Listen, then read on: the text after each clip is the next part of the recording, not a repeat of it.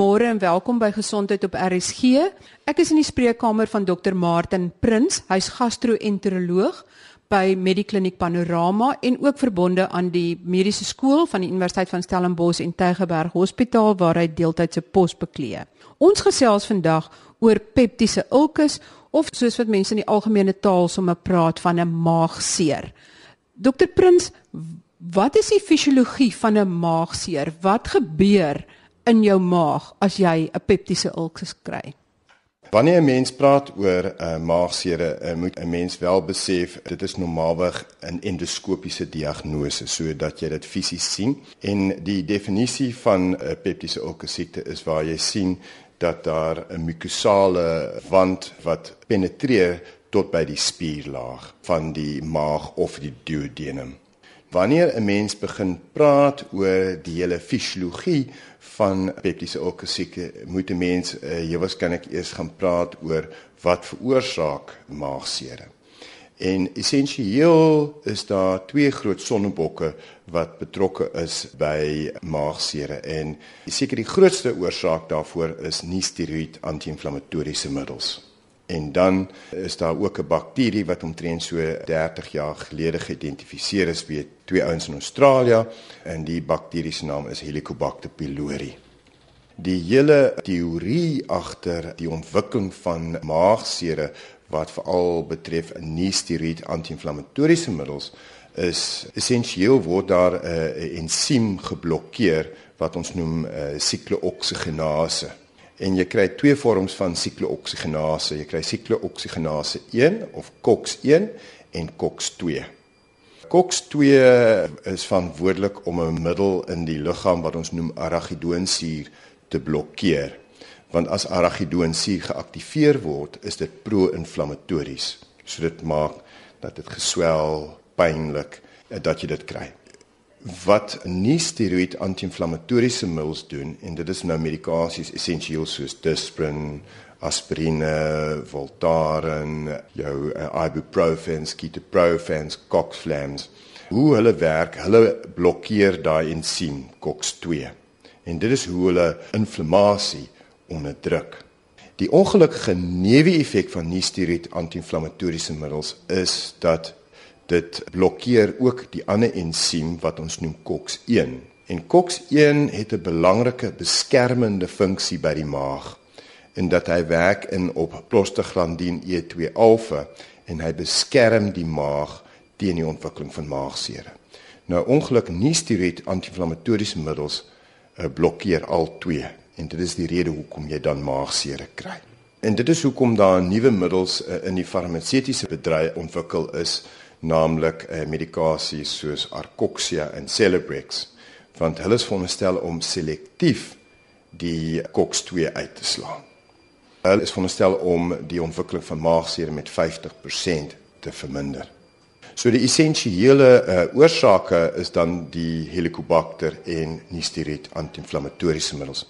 Jy kry ook natuurlik ander oorsake, maar dit is uit te skaars waar jy kry maligniteite wat kan voordoen as maagsere en dan ook waar jy enige verhoogde afskeiding kry of sindrome wat ons noem Zollinger-Ellison sindroom maar tipies uh, sal jy dan sien daar's veelvuldige klein oppervlakkige seertjies uh, en ook dan tipies kan jy dit ook in die duodenum kry. Van die pasiënte wat jy kry met peptiese ulkus, watter persentasie is gewoonlik die gevolg van die nie steroidale anti-inflammatoriese middels en hoeveel is van die Helicobacter? Dit is moeilik om spesifiek syfers vir u te gee, want mens moet net wel besef dat baie pasiënte uh, omtrent 70% van pasiënte met peptiese ulkus siekte is heeltemal eintlik asymptomaties. Ja, mens kan wel daai pasiënte kry wat uh, uitgesproke dispeptiese klagtes het of hulle kan ook klagtes hê eh, tipies as hulle duodenale ulkus het dat 2 3 ure nadat hulle geëet het kry hierdie pyn of dat hulle wakker word so tussen 12 uur en 2 in die oggend. Maar dit sien 'n mens nie altyd nie. So 'n mens moet net onthou dat meeste van hierdie pasiënte is asymptomaties. Ons weet dat in uh, eerste wêreldse lande sedert dat nie-steroïd anti-inflammatoriese middels OTC geraak het, over-the-counter drugs, is nie-steroïd anti-inflammatoriese middels die algemeenste oorsaak waar pasiënte asymptomaties is wat betref simptome. So baie van die pasiënte sal miskien voordoen met ander simptome, miskien dat hulle effens anemies is en dan van die dokters of uh, die spesialiste sal dan rotine bloede doen en sal sien die pasiënt het duidelik wat ons noem 'n yster tekort. En dan die eerste ding wat 'n mens behoort te vra is gebruik steroïd anti-inflammatoriese middels. Dit is ook belangrik om te besef wie is jou verhoogde risiko pasiënte wat maagseer kan ontwikkel te identifiseer. En ons kan dit basies opdeel in 5 groepe. Die eerste en dit is seker die belangrikste hoërisikogroep is pasiënte oor ouderdom 60.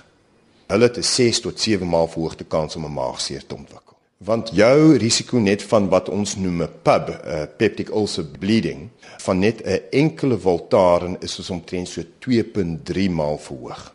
Maar sodra jy ouer word, is daar duidelike verhoogde risiko. Tweede faktor is dat as jy geskiedenis het van 'n vorige peptiese ulcer siekte, hulle is ook verhoogde risiko. Die derde faktor is dat as jy hoë dosering nie steroïd anti-inflammatoriese middels gebruik, het jy verhoogde risiko. En dan enige pasiënt wat dan bykomstige medikasie gebruik op dieselfde tyd soos warfarin of kortisone, het 'n verhoogde risiko. Sedert die ontwikkeling van sekere medikasies wat ons noem H2 blokkers en PPI's of protonpomp-inhibitore, het die risiko of chirurgie ook vir maagseer ook dramaties geval vanweë hierdie medikasies.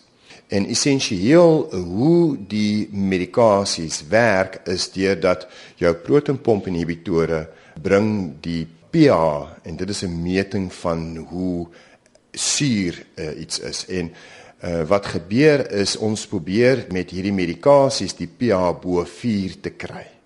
En wat jy probeer doen is Die rede daarvoor is dat as jou pH bo 4 is, dan enige uh, stolsel wat vorm kan tyd gee word om te genees. Terwyl as die pH onder 4 is, kry jy nie genesing van jou maagseer en dit is hoe die medikasie werk essensieel.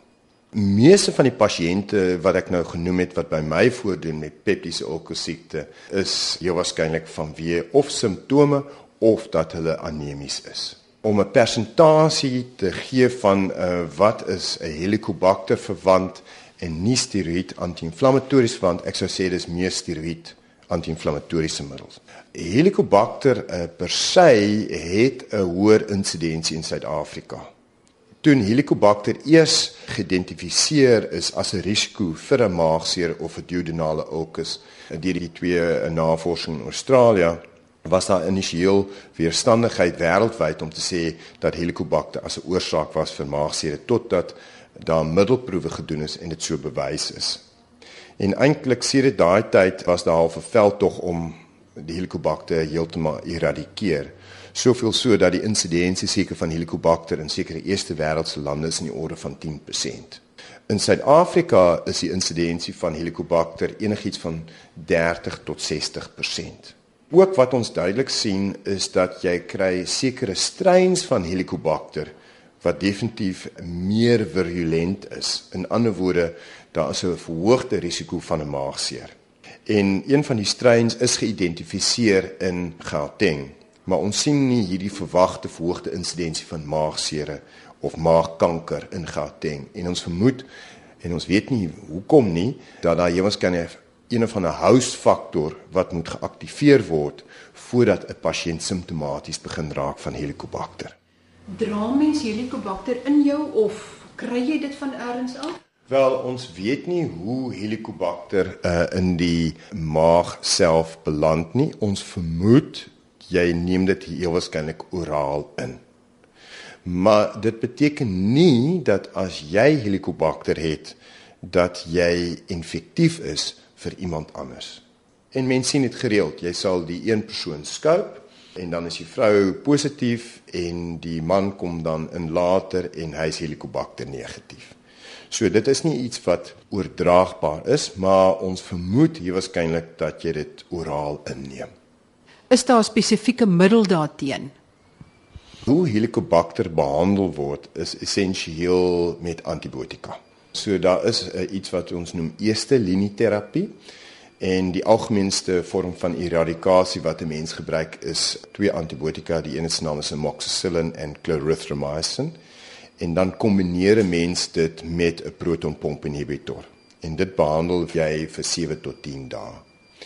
Nou hoe 'n mens Helicobacter uh, diagnoseer? Mens kan uh, of invasiewe toetse doen In ander woorde dat jy doen 'n prosedure soos endoskopiese soos 'n gastroskopie waar 'n mens met die kamera in die maag gaan kyk. En daar het jy jy kan of biopsies neem en dit dan wegstuur na die patoloog en dan kan hulle spesifieke stains doen en dan sien hulle dat die Helicobacter teenwoordig.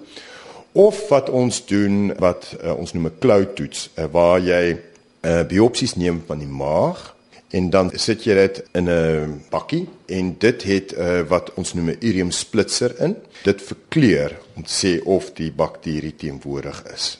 Die ander opsie is dat as jy 'n nie indringende toetse doen, dan kan jy 'n bloedtoets doen. Die probleem is dat die bloedtoets al het jy die bakterie geëradikeer, kan positief bly vir 4 tot 6 jaar. So mens moet net onthou dat as die pasiënt nog nooit 'n endoskopie gehad het en jy wil wel kyk of die pasiënt Helicobacter het, dan kan jy 'n bloedtoets doen. Maar die kwessie gaan oor hoekom toets jy vir Helicobacter? Het die pasiënt simptome wat suggereer dat hy peptiese ulkus siekte het, dan moet mens in elk geval endoskopie gaan doen. Die ander nie indringende toetse is eh, wat baie oorsee gebruik is 'n urease asemhalingstoets en dit word nie eintlik roetine hier gedoen nie. En dan die toets wat ons nou nogal baie hier doen is jou stoelgangtoets. En dit is waar jy toets vir die antigeen teen Helicobacter. So as jy iemand gediagnoseer het en jy wil gaan kyk of jou antibiotika gewerk het, dan kan jy 6 weke na eradikasie kan jy dan uh, 'n uh, stoelgangtoets doen om te gaan kyk of die bakterie geëradikeer is. En die sensitiwiteit en spesifisiteit is omtrent so 90 en 95% vir die stoelgangtoets. Ek wil net vinnig terugkom na die simptome toe en hoekom 'n mens so lank asymptomaties kan wees.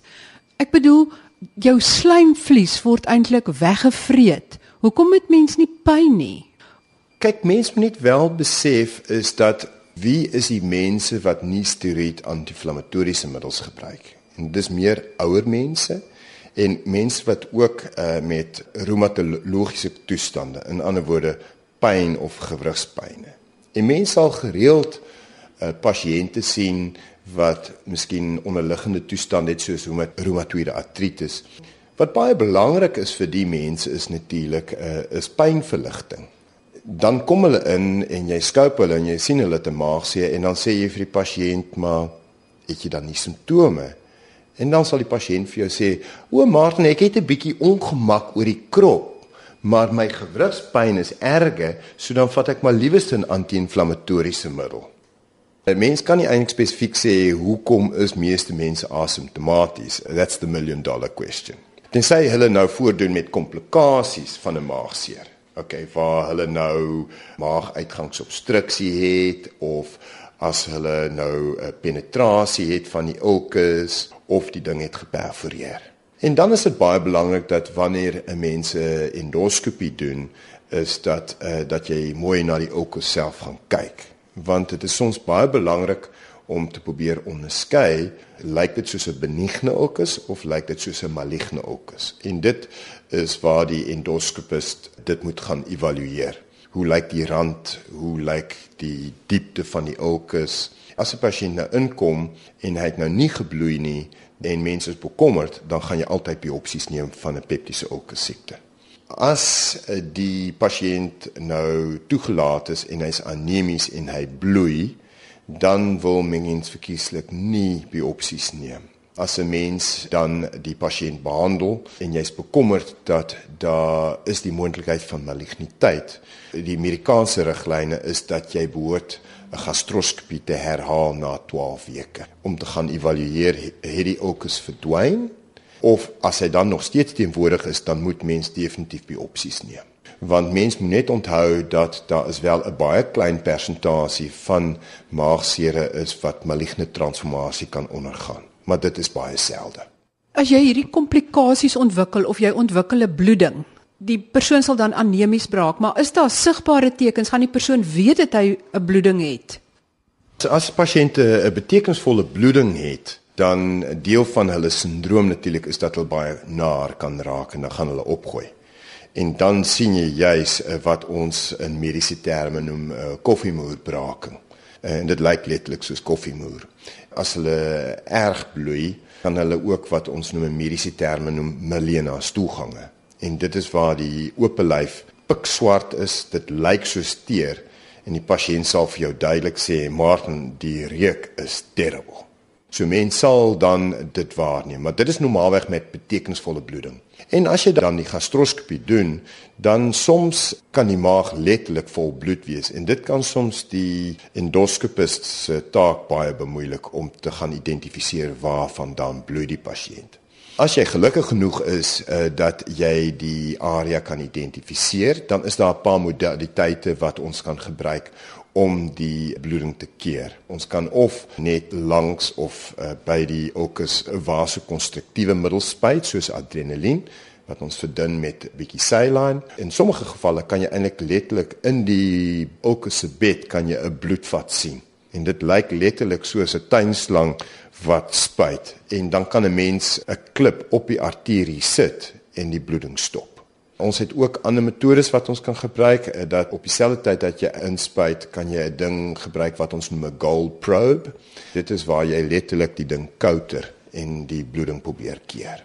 Maar in sommige gevalle as mens nie beheer kan kry van die bloeding, dan is mens genoodsaak om die vriendelike chirurg in te roep eh, om 'n prosedure te kom doen, naamlik om daai gedeelte uit te sny van die maag. En as dit 'n benigne ulkus is, dan doen ons 'n eenvoudige prosedure wat ons noem antrektomie of 'n Billroth 1 prosedure. Maar sedert die daarvan behandeling met PPI's het chirurgie vir peptiese ulkus siekte dramaties geval wat ons doen op dieselfde tyd as die pasiënt bloei sal ons eers konservatief wees deur om endoskopies op te tree en mens sal ook binne aas 'n protonpomp inhibitore gee en wat jy probeer doen is dan die pH heeltyd bo 4 hou dat daai ulkus of daai bloedstolsel kan vorm en begin genees. Watter persentasie van pasiënte ontwikkel deesdae sulke baie ernstige komplikasies? Ek dink dit is in die minderheid, hier waarskynlik minder as 5%. Mens moet ook besef dat wanneer pasiënte wel simptome ontwikkel, uh, die eerste ding wat hulle doen natuurlik is om na die algemene praktisyn te gaan. Deesdae uh, is baie van hierdie protonpomp inhibitore ook beskikbaar oor die toonbank. So sommige pasiënte sal ongemak ervaar en sal ook miskien 'n bietjie soeibrand ervaar en dan die eerste ding wat hulle gaan doen is na die apteek en dan van die medikasies gebruik. So sedert protonpomp inhibitore na die laaste 30 jaar op die mark is, ek dink uh, is die komplikasies eintlik baie minder. En sê maar iemand het nou erge gewrigspyn en al wat hom help is om nie steroidale anti-inflammatoriese middels te neem om die pyn te onderdruk. Hoe moet hy dit doen of moet hy die middels los? Soos ek nou vroeër in die praatjie genoem het, daar's die ontwikkeling van hierdie wat ons noem in mediese term coxibs. Dit is nou hierdie uh, medikasies wat dan jou COX-2 inhibitore en dit is medikasies soos uh, Celebrex, Arcoxia. Uh, die is definitief soos ek vir genoem het, die kanse van peptiese ulkusiekte te verminder met 50%. Dit is die syfers in die literatuur. So mense kan die uh, medikasies ook gebruik. Ongelukkig uh, het die medikasies ook neeweffekte, maar ek dink dit is nou 'n bietjie te in diepte om nog daaroor te gaan praat. Die uh, tweede moontlikheid is dat jy eenvoudige analgetika gebruik en dit is 'n uh, medikasie soos parasetamol of kombinasiemiddels soos tramadol met parasetamol. Die medikasie is ook bekend as uh, Tramacet en daar's ook nou klomp generiese middels op die mark. Die derde moontlikheid is daar's nou 'n nuwe middel ook in die laaste jare wat vrygestel het en dit is 'n kombinasie van 'n nie-steroïd anti-inflammatoriese middel in kombinasie met 'n PPI. 'n protonpomp inhibitor. So jy het die voordeel van jou nie-steroïd anti-inflammatoriese middel, naamlik naproxen, en dit word dan gekombineer met isomeprazole. Dit verminder ook die kanse van die ontwikkeling van maagsere. Wat is die naam van daai? Vimovo. Dit is nou 'n middel wat so omtrent in die laaste jaar vrygestel is. Is dit 'n oor die toonbankmiddel? Nee, normaalweg is dit 'n voorskrif. Maar wat ons ook baie sien is dat van jou pasiënte wat anti-inflammatoriese middels gebruik soos 'n Coxib, dan dink hulle hulle is nou veilig, maar dan intussen gebruik hulle nou ook hierdie medikasies soos vir wat die kardioloog gebruik vir die voorkoming van iskemiese hartsiekte, naamlik hierdie lae dosis Disprin. En basies is jy besig om dieselfde effek te hê deur om die lae dosis Disprin met 'n Coxib te gebruik. Dan kan jy maar net amper so goed 'n anti-inflammatoriese middel neem. So mens moet dit ook net altyd in gedagte neem. Die ander ding wat ons ook baie van sien is dat pasiënte sal sê, "O, my Martin, ek gebruik my anti-inflammatoriese middel, maar ek gebruik dit as 'n suppository, want jy kry uh, anti-inflammatoriese middels wat jy ook as 'n setpil kan gebruik." Die probleem is dit beskerm jou glad nie teen maagsere want jy het nog steeds daai inhibisie van jou COX-2, maar dit word net op 'n ander plek vrygestel. So mense net onthou al gebruik jy enteriese bedekte middels of al gebruik jy setpille, dit kan nog steeds maagsere veroorsaak. So dis nie omdat dit teen die maagwand kom nie, dit is 'n ander meganisme. Dis 'n ander meganisme. Jy sal wel sien dit kan 'n direkte irritasie hê. En mense sien dit ook in sommige medikasies as jy 'n pasiënt uh, gastroskopie opgedoen en sommige van die pasiënte gebruik kaliumtablette of uh, kortisone en jy kan letterlik sien waar die tablet op die maagwand lê hoe dit rooi raak sodat geïrriteerd is. Sal dit help as mense PPI saam met jou anti-inflammatoriese middels neem? Is dit raadsaam? Wel, dit is basies uh, soos hierdie middel Vioxx. Uh, ja, jy kan dit wel kombineer. Wat baie belangrik net weer eens soos ek in die laaste praatjie gegee het, is dat uh, as jy protonpomp inhibitore gebruik, is dit verkieslik uh, dat jy dit ten minste 'n halfe uur voor ete op 'n nugtere maag neem want van die PPI's het 'n effense suurmedium nodig om geaktiveer te word. So om dit met of na etes te gebruik, gaan nie altyd so effektief wees nie. Op dieselfde tyd moet 'n mens wel net ook vir die pasiënte sê is verkieslik wil jy nie nie steroid anti-inflammatoriese middels op 'n nugtere maag neem nie, want dan soek jy ook maar moeilikheid.